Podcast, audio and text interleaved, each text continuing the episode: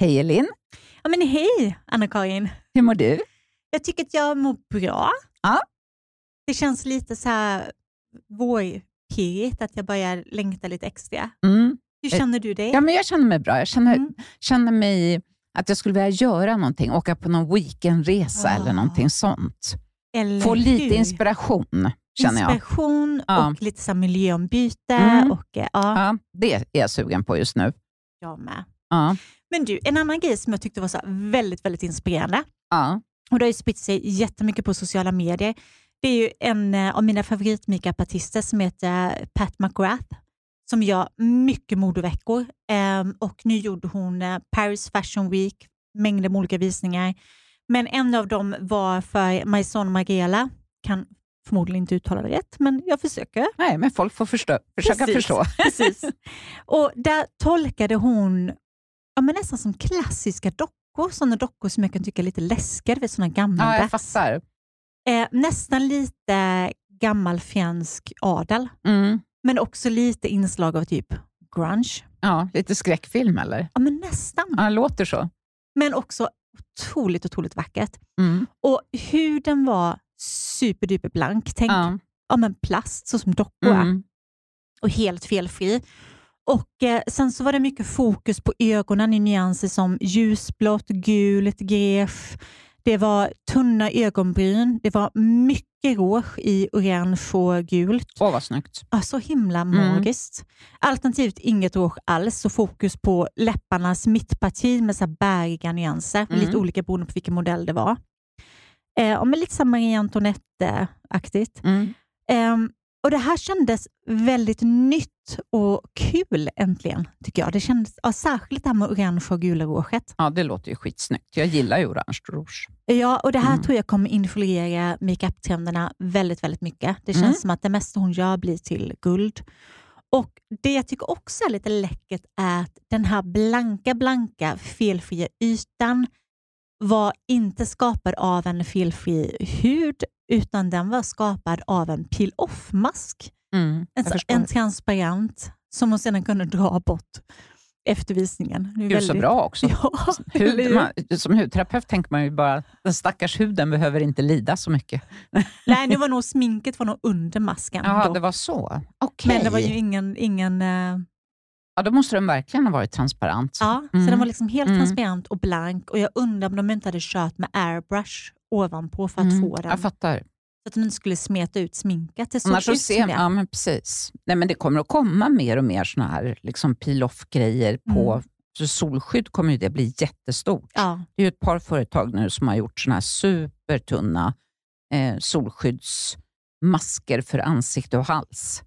Ja, Så, så, jäkla kul. smart. Jag tycker Ja. det borde finnas för dekolletaget också. behöver du inte tänka på att smörja in det något mer sen. Ja, tack. Du sätter på det på morgonen Ja. och sen är du klar. Och sen är man blank och fin. Nej, Eller alltså, det de- syns inte. Den Alltså, var liksom helt transparent ja, då. helt Mm. transparent. Hej. Så smidigt. Gud vad spännande. Men däremot har jag funderat på, om vi ser att det här, jag tror att mycket av den här makeupen hon gjorde kommer bli en trend. Mm. Absolut, vi kommer influeras mycket av det. Men en annan trend som sprider sig väldigt stort i sociala medier och som jag tror har, tolkats mycket efter K-beauty för några år sedan, det är att hudvård har kommit upp så stort bland yngre. Just det. Och då snackar vi riktigt unga. Ja, sju, åttaåringar. Ja, och innan sa man ju ja, men 12-13-åringar de måste vara jätteförsiktiga. Mm. Men nu är det ännu yngre som har att det gått ner Ja, men det där är ju helt mycket. vansinnigt. Och det har ju liksom, precis som du säger, det, TikTok är ju fullt. Mm. Så fort du liksom öppnar TikTok-appen, eh, jag hänger inte där, men jag lägger upp för Mm. hudvårdsdjungeln en gång i Erkänn, veckan. Anna-Karin, du hänger hela Nej, kvällarna. nej, jag tycker faktiskt att det är, men det är ju för att jag inte är målgruppen för det. Ja. Man är liksom för gammal för det där. Men om Instagram nu ska dö med tiden så får vi väl alla hoppa på TikTok till slut. Men just nu så känns det som att det är barn, och Ja. väldigt unga. Nej, men just det där med, med hudvård för liksom 7-8-åringar, det, det måste vi ju liksom bara säga som två hudterapeuter, att vi höjer en, ett stort varningens finger för det. Mm. För att huden på en ung person är ju perfekt.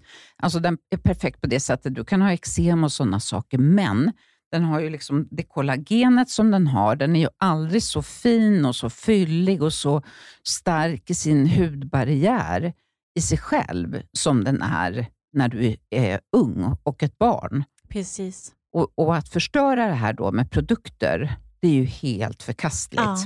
Det enda du behöver egentligen när du är så ung, det är ju liksom att tvätta ansiktet kanske med någon, det kan du ta en vanlig duscholja och tvätta ansiktet ibland. Och sen så, om du är torr, med någon mjukgörare på vintern kanske. Ja, och sen gud. SPF förstås Ja. på liksom skidsemestrar och somrar och allting. Ja, men ingenting annat. Mm. Det behövs inte. Nej, det behövs inte och jag tycker också att man ska lära sina barn att smörja in sig när man är torr, men inte smörja in sig eller använda essens eller andra grejer för Nej. att förändra någonting. Nej, nej, nej. För då får de ju med sig det här att de måste förbättras. Ja, men och sen är det så, alltså i värsta fall så, så alla de här produkterna kan ju på ett barn Mm. liksom rubba hudens barriär och mikrobiomets viktiga liksom immunförsvar. Så att det blir ju helt förkastligt. Och det är, ju, det är ju även sen när du kommer upp, kanske om du... Säg I att, yngre tonåren. ja, Mm. precis. Och säg att du får lite, lite akneutslag. Och det, det är ju samma sak då. Håll inte på med en massa retinol och grejer. Det, alltså det, det är egentligen det enda som behövs. Det är ju att tvätta ansiktet. Mm. Eh, kanske sätta på en fuktkräm. Någon gång i veckan eller ett par gånger i veckan kanske ha en BHA-toner eller någonting.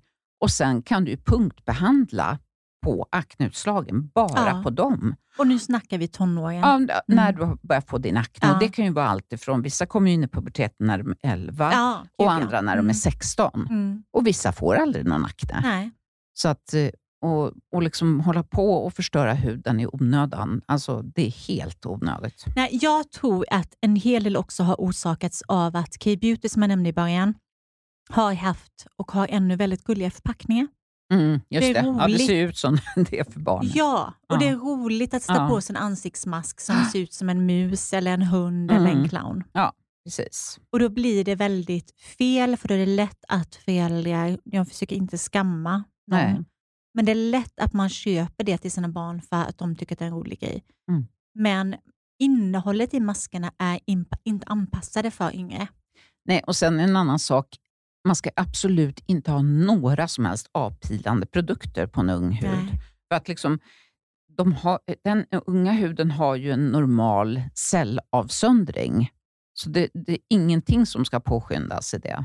Så vi säger ett stort nej. Vi säger ett stort nej. Ja, Och faktiskt. Sen tänkte jag också på, ja, men sen när man kanske väl börjar lite, Mm. så tycker jag att Clear Start är en sån här typ undermärke från Dermalogica. Mm. De är så här mer anpassade för ung hud. Ja.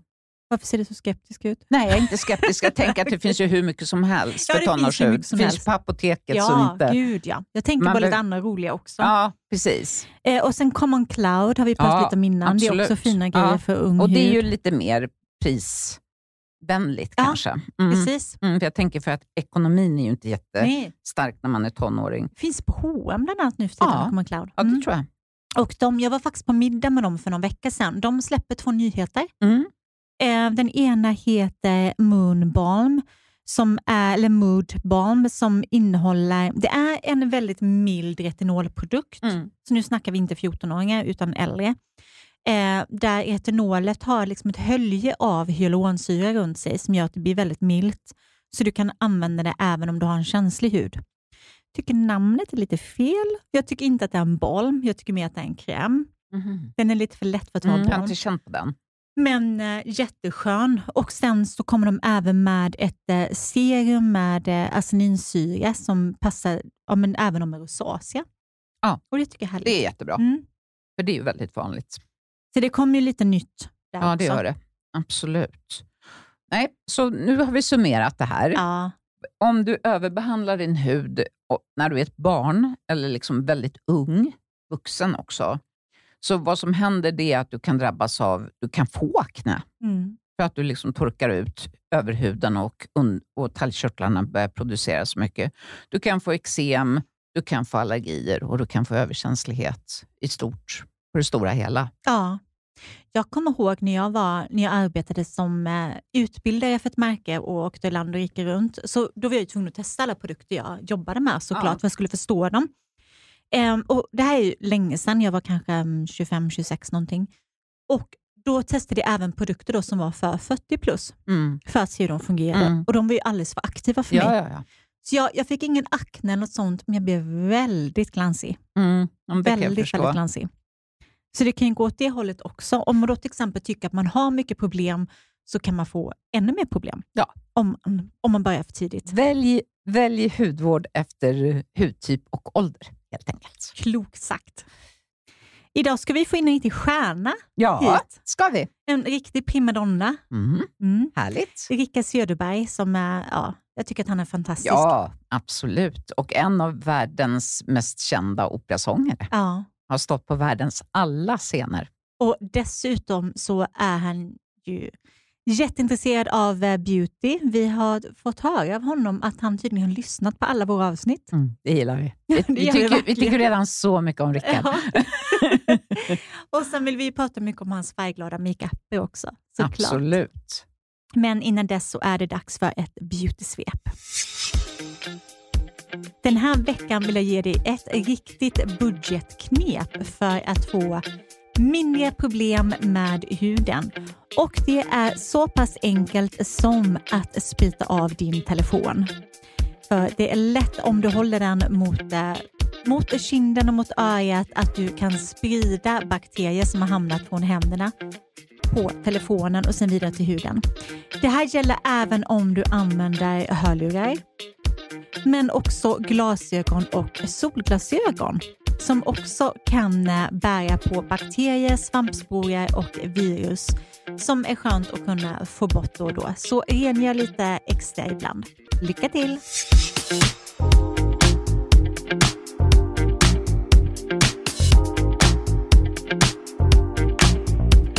En färgglad lärka med pondus som strålar både på scenen och privat. Han har en medalj runt halsen och uppvärmda stämband. Välkommen till hudvårdsdjungeln, Rickard Söderberg. Tack snälla! Vad roligt att vara här. Välkommen, vi är så glada. Det var så roligt för när vi startade podden, podden eller vi skrev ju vår bok och sen kom vi på att vi skulle fortsätta samtalet i en podd. Och då pratade vi om vilka som var önskegäster. Åh, Och då var du en men- av de allra första som dök Ja. upp. Gud vad ni är söta. Mm, vi har listan kvar liksom, där Och nu är vi står. här. Ja, äntligen. Så härligt. Så, så roligt. Ja, men vi har förstått att du är en flitig lyssnare på Ja, Hudvårdstjugon. jag har hört Ja. tror jag, varenda avsnitt av den här podden, så Ja. jag, jag kan er fram och baklänges. Vi tackar och bugar. Då blir vi glada. Du håller på att repa i Stockholm nu. Ja, Vad repar du inför? en föreställning som heter Kärlekens historia, som jag ska ut med Mm. med Riksteatern och spela från Kiruna till Ystad om eh, kärlek och kärlekens historia ur ett annat perspektiv. Så du ska turnera nu då? Japp, nu är det den stora necessären och så in på hotell. Ja, precis vad jag faktiskt funderade över. Vad har du med dig när du är ute och turnerar? Alltså om du frågar hur mitt badrum ser ut så är det bara fullsmockat. Jag är ju, det är därför jag älskar den här podden. Jag är en sån riktig produktnörd och hudvårdsnörd och älskar att, eh, att botanisera, att lära mig nytt och ha en ganska våldsam rutin eftersom jag har så mycket teatersmink och det är ganska mm, våldsamt mot huden så måste jag Ja. också Mm. försöka sköta mig. Ge tillbaka lite Ja, kärlek. Lite, ja, Mm.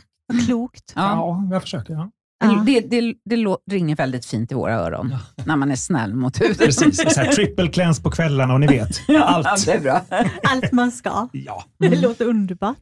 Men visst sätter ni upp någonting i Malmö nu också? Ja, jag spelar föreställningar på Operan i Malmö och jag förbereder för föreställningar som jag ska ha med Marianne Mörk i Ystad i sommar. Och Nej, det, vad det, härligt. Är det så rullar härlig. på. Ja, jag vet, älskar. Ja. Så det rullar på, ni vet. Man Det låter- jobbar. Galet Mm. mycket. Ja, det är lite så. Men när började du använda smink? När jag var jätteung, alltså Ja. redan när jag gick i lågstadiet, Ja. så tyckte jag att det var så fascinerande med smink. För att det kunde... Det var inte då att jag ville dölja mig bakom det, snarare att jag ville plocka fram något på insidan med det. Så då hade jag lite kajal, jag började med mascara och lite rouge och lite experimentera lite. Och det var ju inte okomplicerat i, Nej. i lilla Snöstorp utanför Halmstad Nej. att komma med smink. Men tack och lov så lät jag mig inte skrämmas eller stoppa det, utan fortsatte leka med det. Åh, vad underbart. Så blev du direkt mobbad för det skulle du säga? Ja, Eller det- var det, det- bara lite gliringar? så Nej, men det, det var ganska tufft ett tag. Ja. Eh, Men tack och lov hade jag en mamma som inte tyckte att nej, men då får du väl sluta sminka dig, utan var så här, nej, men är det det här du vill, det du ska göra då, kör på det. Mm. Och så får de andra tas, liksom det är deras problem. Tack och. Så och sen, sant. Ja, och sen så började jag spela teater och då blev det liksom lite mer accepterat när jag med fingrarna. För att på teaterscenen fick man ha smink. Och då, och så, det var så det ballade ur. Ja. Typ det nu. så rullar det på liksom. ja, men vad heter det? Men vi pratade lite om att du har enormt mycket produkter med dig, men hur, liksom, när du har då gjort en uppsättning Mm. Eh, och ska få bort allt smink, Mm. kan du bara berätta lite, hur, hur, hur gör du? Jag börjar med att rycka fransarna, för det är det skönaste som finns. När Mm. de bara åker av, man känner, ah, lättnad. Sen så brukar jag börja med någon, eh, alltså två, två fas, eh, bara för att få bort det värsta kajalen och det som är inliners och, och sånt. Och då kan jag använda ibland också Beffa Clean för att verkligen få det rent på insidan av ögonen och få bort det värsta. Vattenfast mascara brukar vara ganska tufft. Så jag liksom tar det värsta. Sen är det olja. I lugn och ro massera in någon typ av oljebaserad som du bara får lösa upp allt i lugn och ro. Inte gnugga utan massera och låta den göra sitt jobb. Sen skölja av det och sen då en ordentlig rengöring som tar bort både oljan och de sista ränserna. Och sen eh, är det förstås serum. Sen brukar jag köra lite retinol och sen så volume moisturizer och sen brukar jag oftast köra en slugging efteråt så att man får liksom verkligen mätta in Mm. och tillbaka Du i huden. låter som en hudterapeut, vill jag bara flika in Ja, med. men alltså också Ja. fin hud. Ja, man kan inte tro att du utsätter den för teatersmink. Eh, Nej men det är ju, man får vara noga alltså. för att ja, och det annars så- syns att du är det också. Ja men vad du är Mm. söt. Men jag tänker på när du använder så mycket liksom vattenfast mascara Mm. och allting. Det här, märker du någon gång att huden runt ögonen liksom blir torr och lite... Ja, just runt ögonen så... det är ju ett svårt område. Ja, precis, men därför är jag extra noga med just att ha sådana här Bleffa som man egentligen har när man har ögoninflammation. Mm, eller, så att det det. verkligen på insidan ska bli rent, så det inte ligger kvar något skräp och sen så på natten så kommer det ur och så har man svart in i Mm, ögonen på ja. natten. Det ska vara helt klint. Och sen så då förstås eh, se till att man har något som är ganska, så här, med någon blaskig ögonkräm och sånt, det är inte min grej. Utan det ska Nej. vara något som verkligen, man kan ha en, en, en night mask som man lägger på Ja. eller så att jag först fukten, sen fettet. Underbart. Och Belefakin är väldigt, väldigt bra måste jag säga. Finns på apoteket. Ja. Vad heter det? Ja, precis. Och det, det kan man då rekommendera till exempel om man har i vattenlinjen. Liksom. Mm, precis. Ja. Men har du några speciella, några speciella varumärken som du tycker är... Det kanske inte jag är ju den mest otrogna person Ja. som ni någonsin träffat. Men dels, dels jobbar jag, jag jobbar med Organic Beauty Award. Jag sitter i juryn där, så där får man ju mycket saker som man får lov att testa. Och Det gör att jag kan testa vissa saker som jag känner så här, oh, det här är superbt och andra saker som så här, oh. Eh, Men annars så är det verkligen högt och lågt. Det kan vara jättedyra saker som är jättedåliga och det kan vara jättebilliga saker som är jättebra. Det handlar om, tror jag, vad som funkar för en själv, vad som vad man dras till, vad man njuter av så att man fortsätter använda det. Så att det inte bara ska låta bra utan verkligen, det här tycker jag är härligt. Och jag gör sitt jobb. Liksom. Ja, exakt. exakt. Men det hänger inte alltid på namnet eller prislappen, utan Nej. det är andra saker som spelar in, tycker jag. Vi instämmer på den, eller Ja. hur? Mm. Helt klart. Då får jag fråga, är ni lika noggranna också? Gör ni så här, nu är du så här supersnyggt sminkad idag. Kommer du vara så noga ikväll när du tar bort det? Ja, men oftast är jag faktiskt det. Mm. Jag kan slarva lite ibland, men jag, jag tvättar alltid bort. Du går inte och lägger dig med smink väl? aldrig.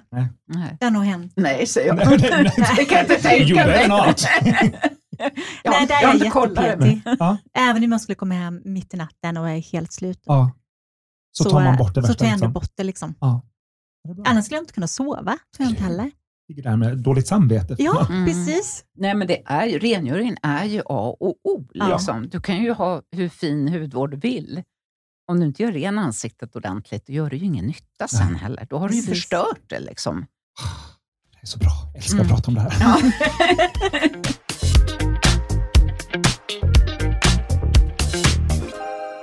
Men du, en helt annan grej. Eh, jag tänker på din bok Transformation, den har du faktiskt med dig idag också. Ja. Fantastisk, den är så vacker. Eh, men där förstår jag ju att du har ändrat stora delar av din livsstil och framförallt har det varit liksom en inre resa. Mm. Och det som mest har uppmärksammats runt det här är att du gick ner jättemycket vikt. Mm. Men jag upplever i samband med det att du också ändrat stil jättemycket. Alltså, tidigare kändes det mer som att du såg ut som en nästan som en uh, hårdrockare. Ja. Macho. Mycket Ja. t-shirt, långt hår, lite mörk makeup. Ja. Men nu är du så här färgglad och glammig. ja, och vet du, jag tror att det har med insidan att göra. Ja. För att allt som har hänt på utsidan är ju bara en effekt av det som hände på insidan. Det finns inget som jag har, har inte så här försökt gå ner i vikt eller göra sådana saker. Jag har försökt bli frisk och må Mm. bra. Och eftersom jag tror att makeup och kläder och hår och allting är ett uttryck för hur vi mår och den vi är. Så när jag nu då, några år senare, känner mig lite ljusare inombords så blir det också ljusare på utsidan. Vad fint. ja, jättefint. Men Verkligen. en följdfråga som jag funderar på. Mm. Hur, för du hade ju långt hår Jag innan. vet, jag satt på det. Det var alltså helt Var det galet. så långt? Ja, ja visst. Ja, det var ju jättelångt. Ja. Hur kändes det att klippa av det det? var det bästa jag gjort i hela mitt liv. Jag hade varit som Rapunzel, eller så här livrädd för att klippa det och hållit på. Jag höll på med inpackningar och det var så mycket grejer, det var så mycket stå i det. Och, äh. och jag hade haft det i så här 10-12 år och blivit livrädd för att klippa det. Ja. Och när jag höll på med, det, med att förändra mig på insidan så var jag så här, nej men nu, jag är ju inte Samson, nu får du vara nog. Min styrka hänger ju inte i håret. Och så ringde jag min frisör som tidigare bara fått så här, toppa en millimeter. Mm. Så sa jag, nu tar vi allt. Så gick jag in på en sån sida för de som gör peruker till barn som har cancer och alopecia och sånt. Och så kollade hur man gjorde för att kunna skänka håret. För det var ju nästan obehandlat och jättelångt. Så skrev de så här, det ska tvättas på det här sättet, flätas på det här sättet och fås upp. Så gjorde jag exakt så, gick dit, som sagt, av det. Åh, vad fint. Då kom det ju till det. nytta också. Ja, det hoppas jag. Ja. Det, det gjorde det, för sen Ja. lämnar man in det. Åh, vad bra. Gud vad Jag inspirerande. kommer aldrig skaffa långt hår igen. Never. Nej. Därför jag det tänkte my- det måste ju varit en sån chock. Alltså bara det att liksom, ja, men ta sig runt huvudet, tvätta håret. Ja, men bara det att det helt plötsligt kom luft. Ja. Jag var ju helt nervös i flera dagar, för det var så här som spöken som drog runt huvudet. liksom, började blåsa, så det, ja, det var speciellt. Men frös du inte? Eh, jo, det gjorde jag. Ja. Men jag måste fråga. mössa året runt. Exakt. Ja, men när du hade det här enormt långa håret då, Mm. Och hur, alltså, hur gjorde du på natten? Jag flätade det, hade det en stor fläta på och sen så ibland satte jag upp den för att när man ligger med lång fläta så hamnar huvudet Ja, men jag så bara här. tänker, det måste liksom komma Ja, i nej, det är kläm värdelöst. Jag var inte gjord för det där. Nej. Nej, för så liksom, det bästa är att ha det liksom uppsnott på Ja, huvudet precis. på Och så sätt. då med en mjuk snod för att man inte skulle slita på ni Mm. vet. Ja. Allt det där höll jag på med. Mm. Anna-Karin sover med en liten silkesmössa, så hon undrar det? om du Ja. också gjorde det. Nej, där drar jag gränsen nej, alltså. Nej, jag tror inte. Ja, det kanske, jo, det finns ju stora silkesmössor också naturligtvis, för Ja. många med afrohår har ju Ja, mössor på natten, för Ja. det måste de ju. Sover du med silkesmössa? Ja, inte alltid, men... Wow. Mm. Ja, jag har en dröm om att någon gång sova på spolar, som min farmor gjorde, men det, Ja. nu är det för sent. Ja, och det känner jag, usch vad Ja, det tror jag. Det här är ju ändå skönt. Ja, ja, det andra, spolar tror jag inte är skönt. Det tror jag är lite, lite tortyr. Hur upplever du att normen har förändrats sedan du började sminka dig? Jag tycker att den har förändrats väldigt mycket. Eh, Mycket tack vare att det finns offentliga personer, framförallt på Youtube och sociala medier, som har visat att ens, ens kön eller ens sociala eller ens fysiska kön har ingenting att göra med huruvida man kan leka med färger och sitt utseende. Och um, Även om det fortfarande finns stigma kring män som sminkar sig, att det ska vara omanligt, så, här, så tycker jag att det finns en större acceptans och en större nyfikenhet på det idag. Att det finns också män som de använder lite self-tan och de fyller i ögonbrynen lite och Mm. vet, i, lite i smyg sådär. Men eh, att det, det är något som har hänt som gör att det inte är sådär helt oacceptabelt. Och jag menar, ni vet ju att om vi går tillbaka 300 år, då var det ju bara männen som sminkade Ja, sig. Ja, så att det där Precis. går ju fram det och har ju tillbaka. gått fram och tillbaka. Ja. Det har det verkligen gjort. Men du, om man tänker på, på en helt annan sak. Du har ju stått på de stora, stora scenerna runt om i världen. Jo, men det har du ju. Så, Men du har också varit med i väldigt folkliga tv-program. Ja. Som Let's Dance Ja. och Körslaget Ja, och vad är det mer? Melodifestivalen förstås. Ja. Ja. Känner du då när du var med i de här programmen att det var då mötte du kanske en publik som du inte möter på operascenen? Eller? Ja, jag gjorde ett medvetet val. Jag hade en möjlighet att antingen fortsätta göra det som jag gjorde och, och satsa på liksom Metropolitan och, och det här. Eller, och då kan man göra det, Mm. men då gör man bara det. Men jag ville vara hemma, jag ville vara en del av samtalet, jag ville kunna sitta här som vi gör. Och, Mm. och då får man välja någonting annat. Och för mig så smällde det högre. Så då valde jag bort det här som då är lite fint och glittrigt och så här. Till förmån för att kunna göra andra saker, som Mm. körslaget eller, Ja. eller mello. Ja. För att jag tycker det är så kul. Vilket var roligast av dem, av de här tre? Nej, men det roligaste jag någonsin gjort det är Hela Sverige bakar. Nu vann Ja. jag ju också. Men Ja, det, är liksom det, grattis. me- ja, det är liksom det mest real program jag varit med om. Många program varit där man, när man gör sånt här eh, så ska det låta och sånt, då är det ju lite, lite fejkigt och man liksom Ja. tar om och så här. Ja. Men alltså att stå med Birgitta Rasmusson och döbakta bullar, då kan man lika gärna alltså, åka hem. Det är så på riktigt, så det var något av det roligaste jag har gjort. Gud vad roligt. Ja. Vad härligt. Ja, och Oh så vann du dessutom. Då förstår jag att det var ja. extra roligt. Och Det som är roligt med att göra TV, det är att i TV så inbjuder det också till att använda makeup. Och jag Ja. känner ju alla de här makeupartisterna som jobbar där, men efterhand så har jag ju, jag gör alltid sminket själv. Och att kunna använda smink på ett sätt när man står på scen och på ett helt annat sätt när man gör TV. För på TV så är det en HD som är liksom en centimeter från ansiktet. På scen så ska jag nå ut till 1500 personer som sitter kanske 50 meter Mm. bort. Just det, det måste vara två helt olika. Helt olika saker. Ja. Och samtidigt så måste det fortfarande vara jag och fortfarande vara Ja. äkta. Så att jag älskar att experimentera med det. Det är en jätteviktig uppladdning för mig inför ett tv-program eller en roll. Att sätta på, sätta på datorn, sätta på antingen någon YouTube eller kanske någon Whitney Houston. Eller så här gött. Tyst, stänga dörren, plockat upp allt, allt mitt smink och sen så i lugn och ro låta det ta en timme. Mm. Och bara, Gå in i det. ja, Ja. älskar det. Åh, härligt. Underbart. Men du, jag frågar lite på samma tema, för du blir ofta sminkad till en roll Ja. när du ska vara på scenen. Ja. Händer det att du sminkar dig själv till vardags för att iklä dig en roll också? Alltså som, att, som en rustning för att känna dig starkare till exempel? Mm. Eller är det alltid bara för att det är kul? Det är aldrig som en rustning. Det Nej. finns, det finns några saker som, som alltid gör, tar, hugger lite i mig när, när, de, när vissa säger de är, till exempel så här, och du är så fin utan smink. Och det är jag. Men det är inte det, är inte det att jag blir mindre jag när jag får på mig smink. Jag skulle säga att det är precis tvärtom. Att då är det min insida som får lov att explodera i färger och glitter och vad det nu än är. Så att det är aldrig att jag vill gömma mig. Jag vill visa mig. Underbart. Jag Perfekt. känner precis likadant som Är det så? för mig också. Mm. Ja. Att liksom på något sätt visa det innersta, men ibland också för att kunna påverka humöret. Till exempel att jag lägger på lite rött läppstift och man känner mig trött. Ja. Då känner jag mig lite Hur tänkte du piggare. idag? Idag har du så här lite violett, eh, lite glittrigt och Mm. sen så en smoky eye, Ja. korallglans i läpp. Hur tänkte du när du satte på det idag? Det var nog mycket för att den lila ögonskuggan låg framme. Jag blev sugen på lila och sen så visste inte jag från början vart jag skulle hamna. Nej. Utan det blev bara liksom någonstans under, ja, under tiden. Ja, Mm. jag fattar. fattar. Jag började med lila, sen lade jag till lite rosa och sen lade jag till lite mörkblått. Och, ja. Det blev liksom Ja, underbart. Elin är ju inte bara hudterapeut, hon är ju makeupartist Mm, också. can tell. Mm. Och vi är mamma. typ prickade också. ja, Men bara absolut. tandläkare. Nej, du är inte bara tandläkare, du är mamma också. Ja.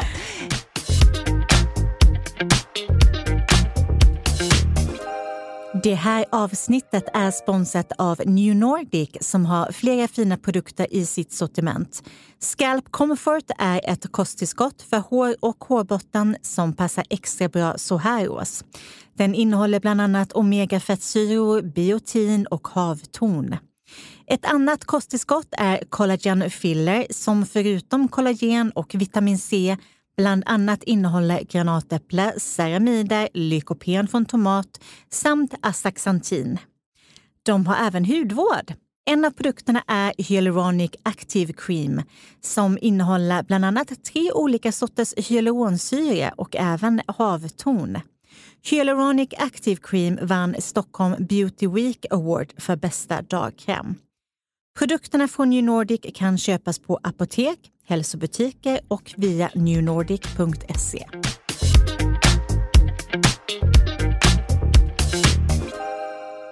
Jag tänkte på en helt annan grej. När vi pratar om, om din röst, liksom, och att du har använt den också i lite, i de här lite folkliga sammanhangen. Men också är du ju en samhällsdebattör. Vad är det du brinner för mest?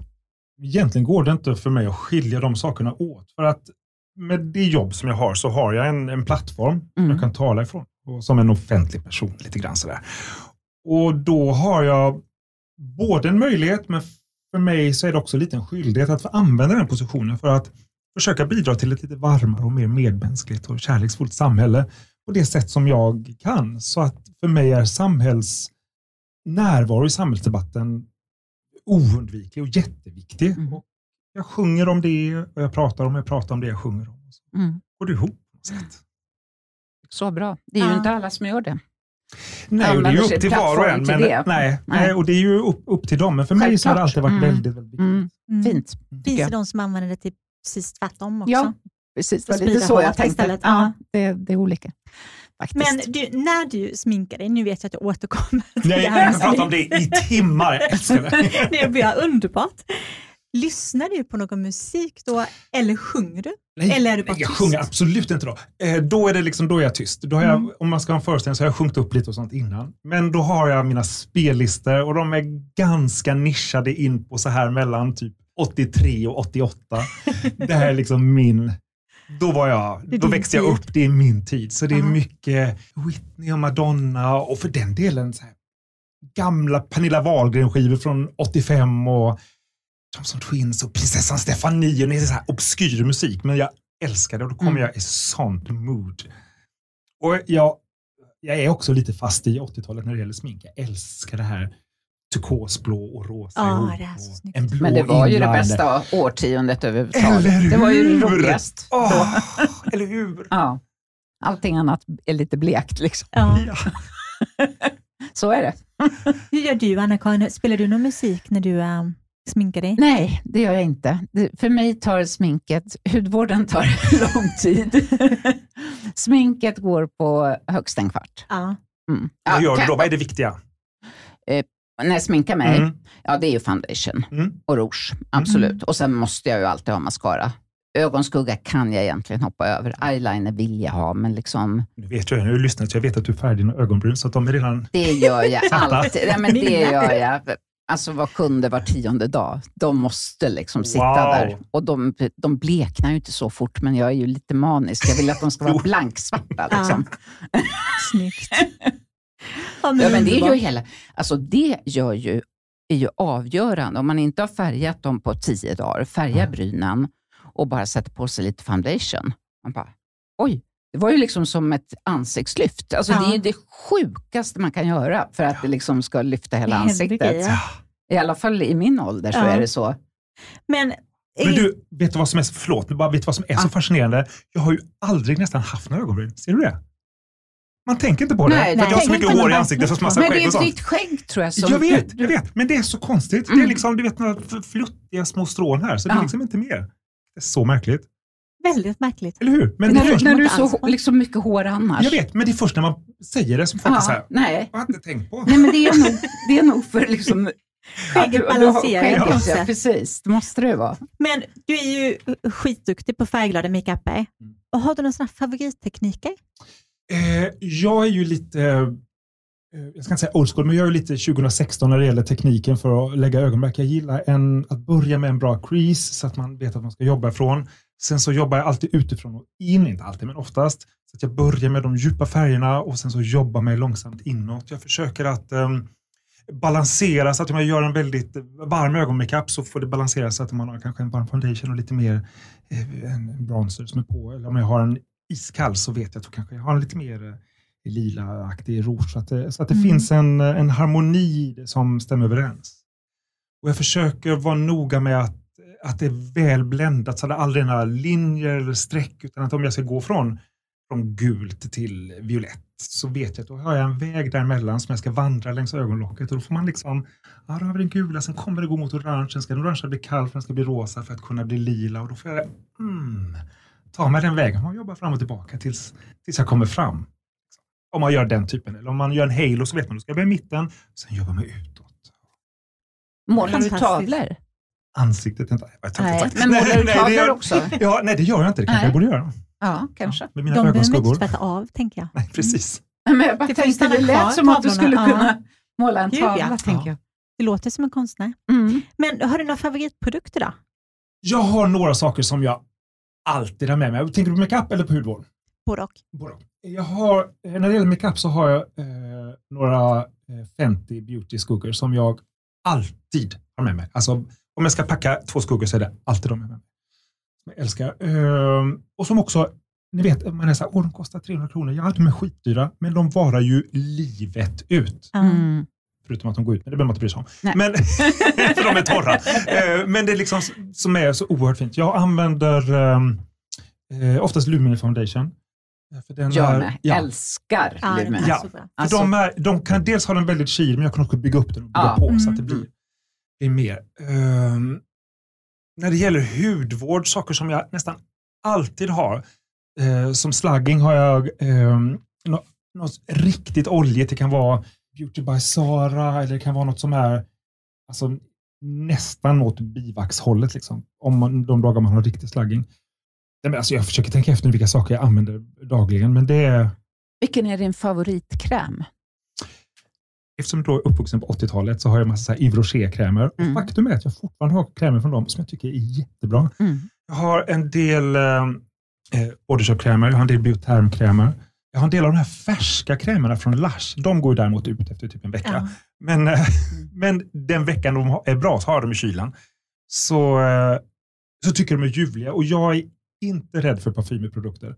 Jag vet att det kanske inte är det bästa, men jag älskar när någonting luktar lite gött. Och, Ja, fast är man inte känslig så är det Ja, ju ingen fara. det Det är ju annat Nej. om du har eksem eller något. Då, Exakt, då ska exakt. du ju undvika det såklart. Exakt, men jag, eh, jag tycker det är härligt när det Mm. får lov att, eh, när det blir en del av ritual. Jag vet det när man tar en essens och den, eh, väl tar den med händerna och man får liksom Mm. andas in den i huden. Liksom. Mm. Det är blaskas på den. Mm. Det får lov att vara där. Vad heter han? Nil- Nils Yard har någon sån eh, med frankincense som är så här som luktar nästan rökelse. Mm. Ah, älskar. Mm. Det blir en upplevelse på det Vi- viset också. Ja, vilken fantastisk brygga. För jag tänker att det finns ju de som samlar på frimärken och andra som samlar på små tomtar. Och sen har vi dig som samlar på parfymer. Ja. Berätta, hur började detta? det började egentligen när jag var barn, fast från ett annat håll. Jag var väldigt fascinerad av dofter och eteriska oljor och läste massa böcker om aromaterapi och, och älskade hela den världen. Och min mamma hade alltid på sig Nina Ricci L'air du temps. Så att hela min uppväxt var en blandning av så här essentiella oljor, Elnett hårspray och L'air du temps. Ja. Ja. och från det så var steget inte så långt till att köpa min första parfym så där i mellanstadiet. Jag kommer ihåg det var en Lagerfeld. Det var den jag hade då. Mm. Den vita flaskan. Ja. Ja. och sen så kom en Fahrenheit, var jag alldeles för ung för, men det var det som Mm. fanns och sen så Mm. någon sån här Boss-parfym och så.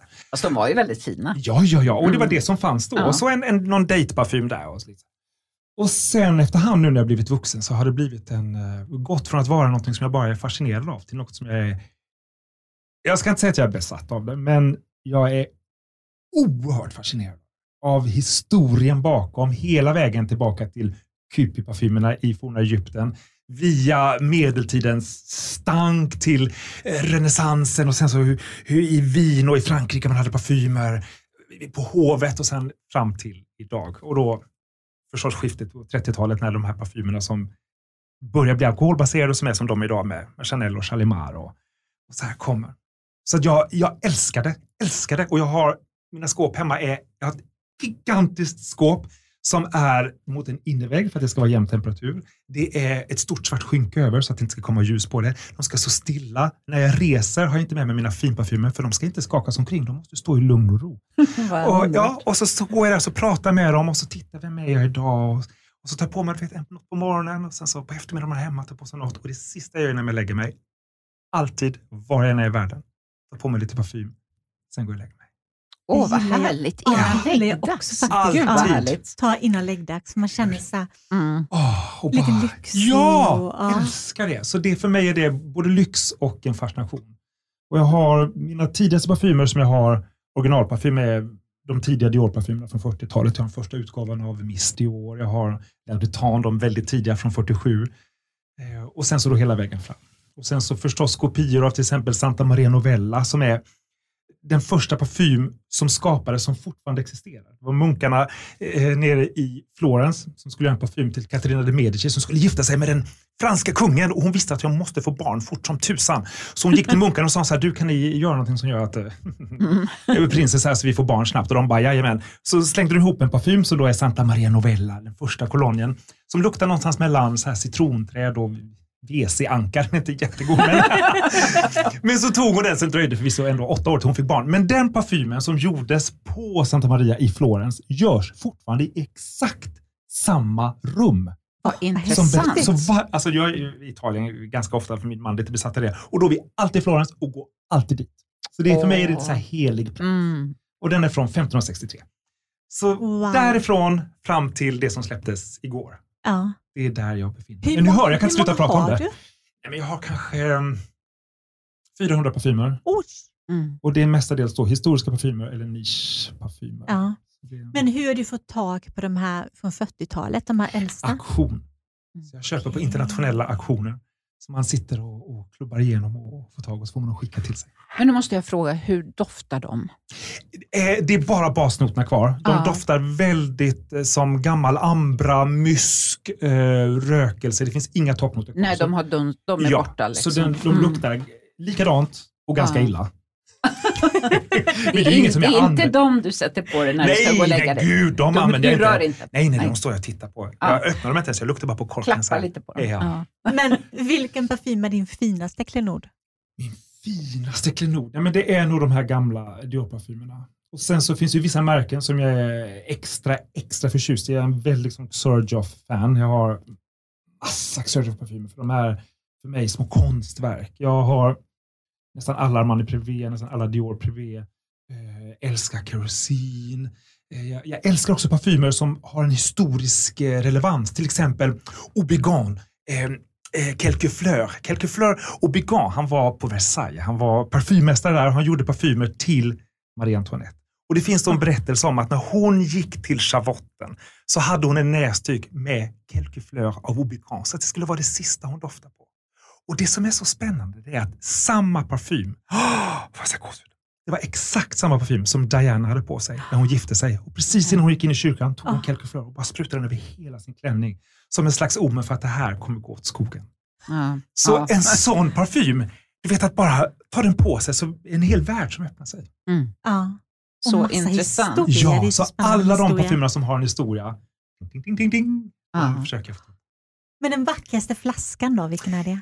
Vackraste flaskan, det kanske är um, eh, Purple Accendo från Xerjoff som är liksom 500 Swarovski-kristaller på. Eller, jag tycker i och för sig om de som ser lite så här industri ut också. De Mm. måste inte vara sirliga. Alltså, L'air du temps är ju fin för att det är, den kom precis när kriget var slut och det var två duvor på den som skulle representera freden Mm. i Europa. Så den har liksom en topp som är Symboliskt. Ja, mycket symboliskt Mm. också Ja. vackert. Men också om det är så här, ser, ser ut som en uh, gammal metallflaska från en olja. Det, det är också fint. Mm. Allting ska stämma överens med vartannat i sig själv. Jag kan ibland gilla de som ser lite tacky ut också. Det kan jag också. Vadå, vilka, okej, nu vill jag höra. Vilka är dina favoritparfymer? Alltså nu har jag en parfym som absolut inte ser tacky ut, som jag älskar, som är eh, den senaste från NCP Mm. Det. med mycket plommon i.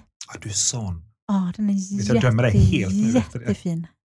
Jag kommer tyvärr inte ihåg vad den heter. Men den Nej, jag har den också släppet. hemma, fast den är finare på dig. Ja, men det är det som är så intressant Ja. med dofter, Mm. att de är så olika på olika Skulle du säga att det är din signaturdoft? Eller är det din doft som du har just nu? Det är nog min, min nuvarande signaturdoft. Om du bara fick ta med dig en enda doft i resten av ditt liv, vilken skulle det vara? skulle nog faktiskt kunna vara den. Men sen så, om du frågar mig om ett år, Ja. så kan det ändras. Men om jag Ah. måste välja just nu. Ja. Annars gillar jag eh, eh, Kilian Paris, har en jättefin också, deras storsäljare, som jag heller inte kommer ihåg vad den heter. Men som är ganska sockervärds... Eh, jag brukar passa i de här. Mm, lite gourmandiga. Ja, Mm. och jag brukar gilla dem väldigt, egentligen de flesta gourmander som inte är för tunga. Nej, underbart. Okej. Jag, eh, just nu Mm. så är jag ju väldigt inne på den här danska, vad heter den? The Beach. Mm, Eh, just det. Vad heter det märket? Eh, Saco Parfym är det ja? Ja. just det. Älskar den just Ja. nu. Mm. Annars är, gillar jag, eller Saab har ju följt med mig i väldigt Mhm. många år. Eh, White Rose, Ja. den tycker jag väldigt mycket om. Klassiker. Ja, den tycker jag väldigt mycket om faktiskt. Alltså, jag Fast, ja, sitter ju och sniffar här på en annan jättefin. ja, ja, och det är jag din. Ja, Ja, det är min. ja, helt fantastisk.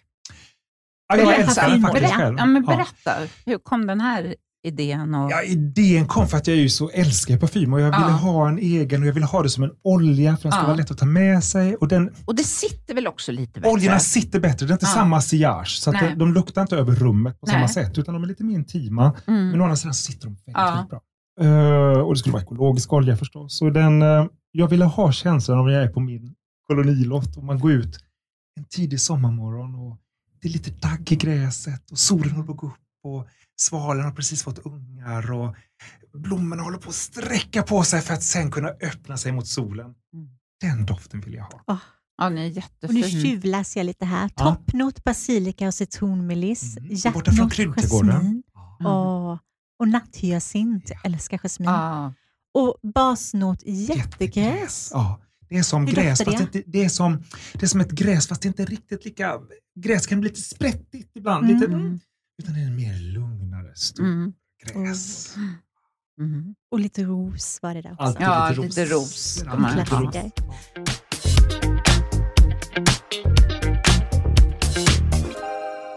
Men, men berätta, var det svårt att ta fram den? Eh, Alltså få den precis som du ville ha den? ja, det tar ju ett tag. Ja, jag jag, det. jag arbetade tillsammans med ett par stycken olika näsor Mm. eh, för att jobba fram det. Först en idé om vad jag ville ha och sen så när jag försökt förklara jättemycket och man inte hittar rätt så säger de ah, det är det här du menar. Eftersom De som Mm. näsor fattar att ja, du vill ha lite smuts, du vill ha lite vad det nu är för Mm. att det ska bli lite mer mänskligt och riktigt. Ja.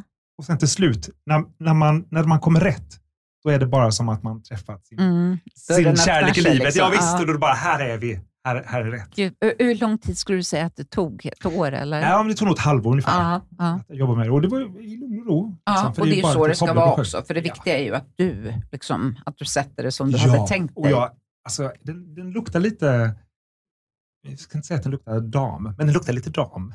Och jag älskar det. Men det är liksom den här Ja, den är tuberosen väldigt, väldigt och... god. Jag älskar den. Älskar den. Mm. Ja, men när du kom in så sa du så här, ja men jag vill lukta lite som Lill-Babs. Ja, jag vet. Ja, Nej, men jag Ja. vill lukta, ja, för att hon är ju bara den, älsk, älskar Barbro. Ja. Och, och visst vill man lukta som någon som är så generös och ja, glad. Och, ja, och, och varm. Liksom. Ja. ja. Och sprudlande. Exakt. Ja, precis. Dessutom. Men om man är intresserad av att köpa den här doften Mm. och lyssnar på, på podden. Ja, det enklaste är bara att gå in på min hemsida för då kommer Ja. den direkt från mig. Direkt från källan. Mm. Gryning heter den. Gryning, ja. Först tyckte jag det stod gynning, då blev det lite Nej. gynning. Liksom gynning. Tänkte på vad det här konstigt samarbete. Nej, Nej. men just det. Försommargryningen, Ja. precis. Jättefin. Ja, gud så fin. Men en annan sak jag tänkte på. Jag kan uppleva att sång kan nästan få allting i kroppen att vibrera. Och eh, Ibland upplever jag också att, att den kan få att, ja, men mycket saker i kroppen att liksom falla på plats. Att det kan vara lite hilande. Mm.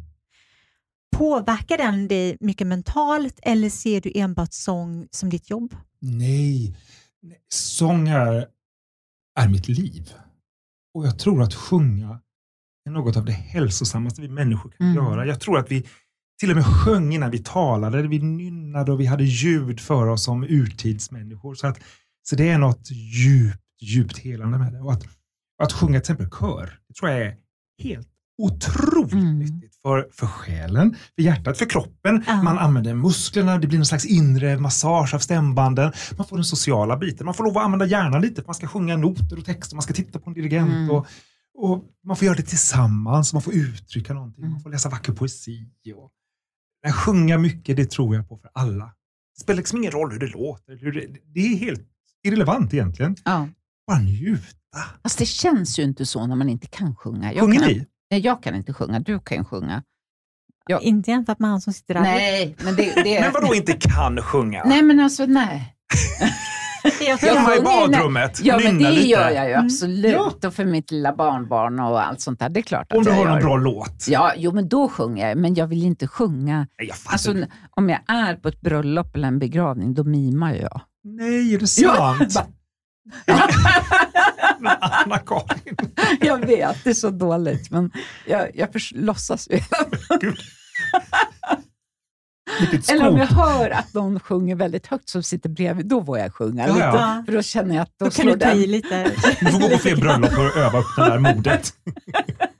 då slår det över lite. Men när du säger att, att sjunga är som, som poesi och att det är liksom själavårdande. Jag Mm. lyssnade ju på ditt vinterprat i Mm. P1 Mm. och då måste jag säga att jag tycker att du är väldigt, väldigt poetisk. För det hela samtalet, även om du pratar om vissa svåra saker såklart, så använder du språket på ett väldigt vackert sätt när du pratar. Ja, men tack. Du Jag, skulle skriva poesi, tänkte Ja. jag när jag lyssnade på det, på det programmet. jag älskar språk. Ja, Alltså, det, det- Alltså, det var så tydligt när man lyssnade Ja, på det här vad glad avsnittet. jag blir. Jag hörde liksom hur du använde melodin också när du pratade såklart, men också hur du valde orden Ja. på ett så liksom vackert sätt. Så det blev liksom som en... ja, Jag, jag älskade det avsnittet. Ja, precis eh, i höstas så kom min första stora roman och där har jag använt just språket som ett, som ett sätt att eh, uttrycka saker, inte bara beskriva saker. Utan Nej. Språket i sig får en, en mening och en Mm. innebörd och välja ord. Och jag är också så här noga med att försöka vårda gamla ord som kanske försvinner annars, som har en mycket specifik, kanske jättenischad betydelse, men som finns kvar. För det berikar oss. Ja, det var så tydligt tycker jag. det Tack, vad glad jag blir. Ja. Så, så fint. Mm. Men vad tänker du om framtiden? Är det någon opera eller operascen som du inte har gjort eller uppträtt på som du drömmer om eller har du några helt andra drömmar om vad du skulle vilja göra? Vet Du har jag ju är gjort så mycket. Ja, jag är så otroligt nöjd och tacksam för det jag fått lov att göra. Så får jag bara fortsätta och, och sjunga lite och skriva lite och prata lite och, och sådär. Så är, har jag inget mer någonsin. Göra fler dofter. Ja, det skulle jag gärna göra. Ja. Köpa några fler dofter också? Ja, det kommer jag definitivt göra. Tyvärr. Ni får inte tala om för Anders, min man, hur mycket de kostar. Men, Har han samma intresse för dofter? Nej, men alltså han har ju kommit från att vara alltså, 100% noll intresse och förståelse överhuvudtaget tills nu då så här 25 år senare. Att han kan, jag kan se honom stå vid parfymskåpet ibland och så fundera lite som att vem är jag idag? Åh, Och, och ibland Oho. kan han ta på sig en parfym så kan han komma till mig och så kryper han upp jätterna och så säger han vad har jag på mig? Och så ska vi gissa. Det så, här, eh, så att han har hittat sin smak och sina och den, den är helt annorlunda än min. Mm. Han har hittat, hittat till sitt. vad härligt. Ja, det är roligt. Då har han fått en ny... Precis, men han skulle aldrig erkänna det. Nej, nej, nej. Men Men, du har inspirerat i, Ja. i Ja, smyg. lite så. Ja. Mm. Eller tuktat honom till att älska Jag tänkte annars eftersom du var om ett svart skynke över skåpet det. Mm. så märker inte han om du köper nya parfymer. För att är ju tänker så. Ja, men det är så Det är smart faktiskt. Ja, nej, jag tror tyvärr att han märker det. Men, och sk- skynket är ju på på dagarna när det är solljus Ja. Mm. för att det ska vara men eh, på kvällarna när det är mörkt ute så tar vi av skynket och så får man titta på det. Det blir lite som en ceremoni. Ja, jag vet. Och det ser Ja. också ut som en stor gravkista. Det är ju jättehemskt. Det stort skynke liksom mitt i rummet. Men, men ja, det blir lite ceremoniellt. Men jag tänker på er kolonistuga som du sa. Är det ett gemensamt intresse med blommor och sådana saker som ni har? Ja, nej. Nej. För att vi har det oerhört uppdelat där. Han tar ansvar för huset, bestämmer hur det ska vara och genomför det. Jag tar ansvar för trädgården, bestämmer hur det ska vara och genomför det. Bra. Så att han, eh, han lägger sig i mina blommor och jag slipper så här spackla och tapetsera. Det är ju arbetsfördelning. Ja, mycket Ja. tydligt. Och det gör det de tycker om. Exakt. Men Ja. tillbaka till framtiden. Ja. Har du några drömmar? Nej, men jag, jag drömmer om att få sitta på en morgon och dricka kaffe i lugn och ro. Jag drömmer om att få lov att vara med mina vänner. Jag drömmer om att... små saker. Sen drömmer jag om fred på jorden och ni vet allt det här. Mm. Men, men för mig själv så, så kan jag kan liksom inte... Det finns inga så här specifika, det där vill jag göra. För jag har gjort, Ja, jag är så gammal nu är nu. du bara att njuta. Så nu vill jag bara kunna vara med mina vänner, ta det lugnt och göra härliga saker i den Mm. mån det går. Och det är väl fantastiskt. Det räcker ju gott och väl. Ja, det Ja, det är den räcker bästa faktiskt. drömmen. Ja, Man faktiskt känner sig nöjd också. ja Ja. men verkligen. Vilken är den, vilken är den liksom häftigaste operascenen du har stått på? Faktum är att jag älskar Drottningholm. Av Ah, alla scener i ja, världen det är så så är vackert. Drottning... Eller hur? Ja, det är så vackert. Av alla scener i världen så är det fortfarande en av de Mm. allra coolaste scener jag Ja. vet att stå på. För när man går på det här träet så vet jag att exakt de här plankorna gick, gick man på för 300 år sedan. Mm. Samma sångare som svettades då och svettas nu. Och det, är liksom, det är en miljö som är Mm. helt unik. Ja, det är väldigt vackert. Så, Ja. så coolt. Ja. Tack snälla, snälla Rika för att Tack hit för att jag fick komma. Vi är så glada. Ja. Vi har haft våran dröm, en av våra drömgäster här, Ja. nästan den största drömgästen faktiskt. Underbart. Jag Tack. hoppas vi inte de andra hör.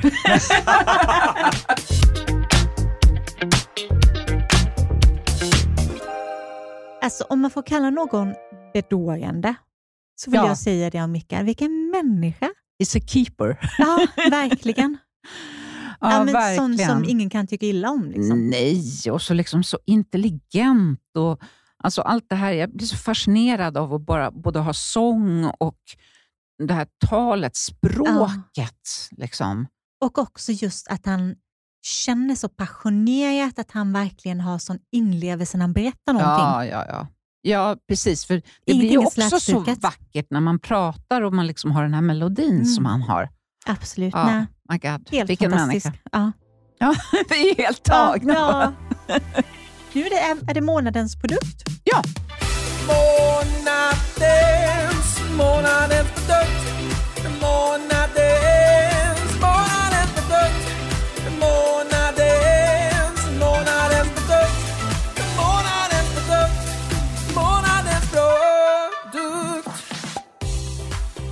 Nu har vi kommit till handkrämer Ja. i månadens produkt. Och det, alltså det är ju någonting som man verkligen använder så här års.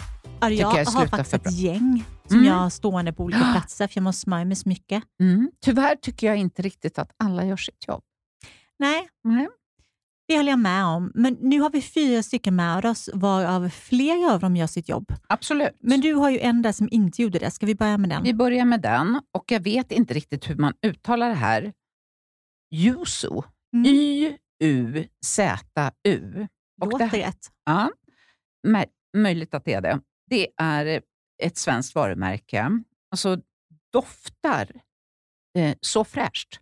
Doftar alltså citrus och det är liksom, ja, det här skulle kunna vara en, en doft, Mm. en parfym helt enkelt. Eh, men eh, det är lite mandarin och lite grapefrukt och doften är helt fantastisk. Och den är tillverkad av rena växtoljor som oliv, raps, chiasmör. Låter ju helt fantastiskt. Och våran favorit, glycerin. Oh. Men det händer ingenting. Alltså den ger ingenting. Jag tvättar ju mina händer jättemycket och spritar dem en del också faktiskt. Speciellt om jag har varit ute och gjort, träffats i massa folk och sådana saker. Men alltså den här, efter tre minuter så känner inte jag att jag har smörjt in mig. Ja, Så- så ska det inte vara. Nej. Och den hade liksom så många andra bra grejer. Den är ekologisk, den är vegansk, den tillverkad i Sverige. Jag, och så tycker jag en jättesnygg förpackning. Den är liksom lite så silverfärgad med Mm. etikett. Den ser modern och bra ut. Så jag hade liksom hoppats så mycket på den här.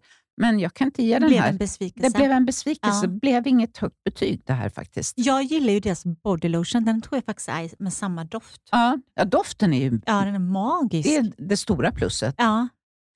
Ja. Alltså, då kommer vi till... Men, jag måste jag vill, också, bara, sä- ja, jag vill bara säga en sak till. Att det, storleken är 50 mill- milliliter Mm, och den kostar 220 kronor. Så att det är liksom inte värt det priset. nej, Helt enkelt. Sorry. Det var väldigt dyrt. För, ja. Ja, jag tycker det också. Ja, då, då kräver man mer känner jag. Man kräver mycket mer. Jag har också, hade ju också tänkt upp eh, Versos handkräm som tyvärr inte funkade för mig, men jag tror faktiskt att den har utgått. Ah, Så förhoppningsvis håller de på att göra om den. För så den, kan det vara. den innehåller ju A-vitamin och, och så, men det hände heller ingenting. Nej, Det var inte tillräckligt mycket fett i Nej den. för att det måste skulle- vara det. Just för händerna. Ja. Händer och fötter behöver ju det. Det säger bara slå upp annars. Det gör det. Jag tänkte ta upp en klassiker som nummer tre som är Hemp Hand Protector från The Body Shop. Som är en handkräm för riktigt torr hud. Funkar superbra. Luktar inte gott. Så det är där den får sitt minusbetyg. För att den, det är inte bara det att den inte luktar så gott, utan den luktar också väldigt mycket. Så den tar lätt Okej. överhanden. Mm. Ehm, tyvärr, för att jag gillar konsistensen väldigt mycket och jag gillar, om en, hur mycket den faktiskt gör för huden. Så att man får stå ut med doften när man använder den. Ja. Men den finns i två olika storlekar, 30 och 100 ml. Det är ett stort plus för mig, för jag vill ha med mig i handväskan. Ja, och då orkar man inte ha den där stora tuben. Liksom. Nej, Nej. det blir för jobbigt. 30 Ja. ml ligger på typ 80 kronor och 100 ml på 175. Så det, det är ändå överkomligt tycker jag. Ja, det tycker jag också. För en bra produkt Ja. så är det det. Ja, då kommer jag till Care of Gerd. Mm. Ja. Och den heter Cloudberry Hand Cream 75 ml. Och det här är då en ekologisk handkräm med C-vitamin. Den är C-vitaminrik, den har hjortronfröolja, den har eterisk olja, mandarin och grape. Här har vi ju det igen, Mm. lite som vi pratade om i den förra krämen. Eh, och doftar också citrus och hjortron. Tycker att den doftar gott. Eh, riktigt fräscht faktiskt. Men framförallt så är den ju riktigt vårdande och mjukgörande. Här känner jag att mina händer, liksom, det, det, blir, det blir någonting. Ja. Inte bara, säg inte bara slurp och är borta, utan den här gör sitt jobb. Och, och eh, bra, bra förpackning också, 75 milliliter med sån här liksom plast, inte skruv, utan du, du ploppar upp den. Det gillar jag också, att man inte ska behöva hålla på och skruva på en Det handkräm. Mm. Ja. Och den kostar 149 kronor, så det är ett bra pris för 75 milliliter. Så jag, jag tycker den här mycket, jag tycker den är bra, helt Mm. enkelt. Mycket bra. Då kommer vi till ettan. Du, du, du, du. Och Den här handkrämen säljs faktiskt enligt företaget själva var tredje sekund världen över. Så vi är inte de enda som gillar den här kan Nej. jag säga. Och Det är Chia-handkrämen från L'Occitane. Den här är ju magisk tycker jag. 259 kronor för 150 milliliter. Finns även i fler andra storlekar, både 75, 50, 30 milliliter. Här snackar vi att det liksom är anpassat efter hur du använder den. Förutom chiasmör så innehåller den bland annat betaglukan. Jag tycker att eh, den här handkrämen är väldigt återfuktande. Den mjukgör verkligen. Det är ingenting som försvinner så lätt utan det känns som att den skyddar huden och verkligen ja, men främjar barriären tycker jag absolut. Och Sen så luktar den milt och gott. Ingenting som tar överhanden. Stort, stort plus också för att den är i eh, aluminiumförpackning. Det var även eh, The Body Shop, så det är betydligt mer eh, hållbart i längden. Då vill jag göra en liten inflik på den. Mm. Att deras mindre förpackningar nu har kommit i en ny förpackning Okej. och den är i plast. Miljövänlig plast. Det har jag missat. Ja. Finns det miljövänlig plast? Ja, men någon typ av Mm. miljövänlig plast. Jag läste bara väldigt snabbt en, en pressrelease på det. Ja. Eh, så att den är ehm, eh, liksom gjuten i en... Alltså det är inga skarvar, ingenting. Och Mhm. väldigt, väldigt lätt. Det är väl återanvänd plast kanske, om man ska gissa på. Lätt gillar vi ju när vi har i handväskan. Ja, så, den stora är fortfarande i metall eh, Ja. och de små kommer att bli plast. Så, så det kan vara bra. Jag tänker också, summa summarum, just när vi tar upp det här med Verso, som jag inte var nöjd med, men som var väldigt aktiv för att motverka ålderstecken på huden med vitamin A och så. Jag tänker även att Bioeffect också har en handkräm som också eh, jobbar mycket mer på anti-age och så vidare än på att ge näring och mjukgöra. Det kanske är lite så när det kommer till handkrämer att många av de som är mer aktiva fungerar mer som ja, men som ett serum för ansiktet. Ja, då, tycker jag att ska, absolut. då tycker jag att det ska framgå också, så att man i så fall kan använda det som ett serum om man vill motverka till exempel pigmenteringar och sånt och sedan använda en kompletterande kräm över. Och Sen tänker jag att den typen av aktiva handkrämer är ju faktiskt mest lämplig att ha på natten, så att det Mm. får vara kvar. Så man kanske inte tvättar händerna på 6-8 timmar. Precis. För liksom på dagarna så kan det ju bli att man tvättar, tvätt, då tvättar du bara bort Ja. De här godsakerna. Och Sen är det ju så att om man ska använda en produkt då som är mer aktiv som handkräm, vilket jag håller med dig, det är, ju- det är genialiskt. Mm. Eh, det, då är det ju också väldigt bra om man gör en peeling på sina händer en gång i veckan och sen lägger på en, en närande kräm eller en, kanske en, en mask, ansiktsmask som man inte gillar doften på eller någonting och så använder man det som en handmask. Eh, då, då gör ju allt du sätter på efteråt gör ju mycket, mycket mer nytta. Absolut. Så det kan ju vara ett bra tips. Och då kan man använda produkter man har hemma, så man behöver inte springa och köpa. Eh, Massa nytt. nej. Nej. Helt rätt. Nu känner jag att jag måste gå och in mina händer. Ja. Nu känns det. det som att de stramar bara för att vi tänker på det och pratar om det. Ja. Men eh, tack så hemskt mycket för idag. Tack till dig som lyssnade. Ja, men tack så jättemycket.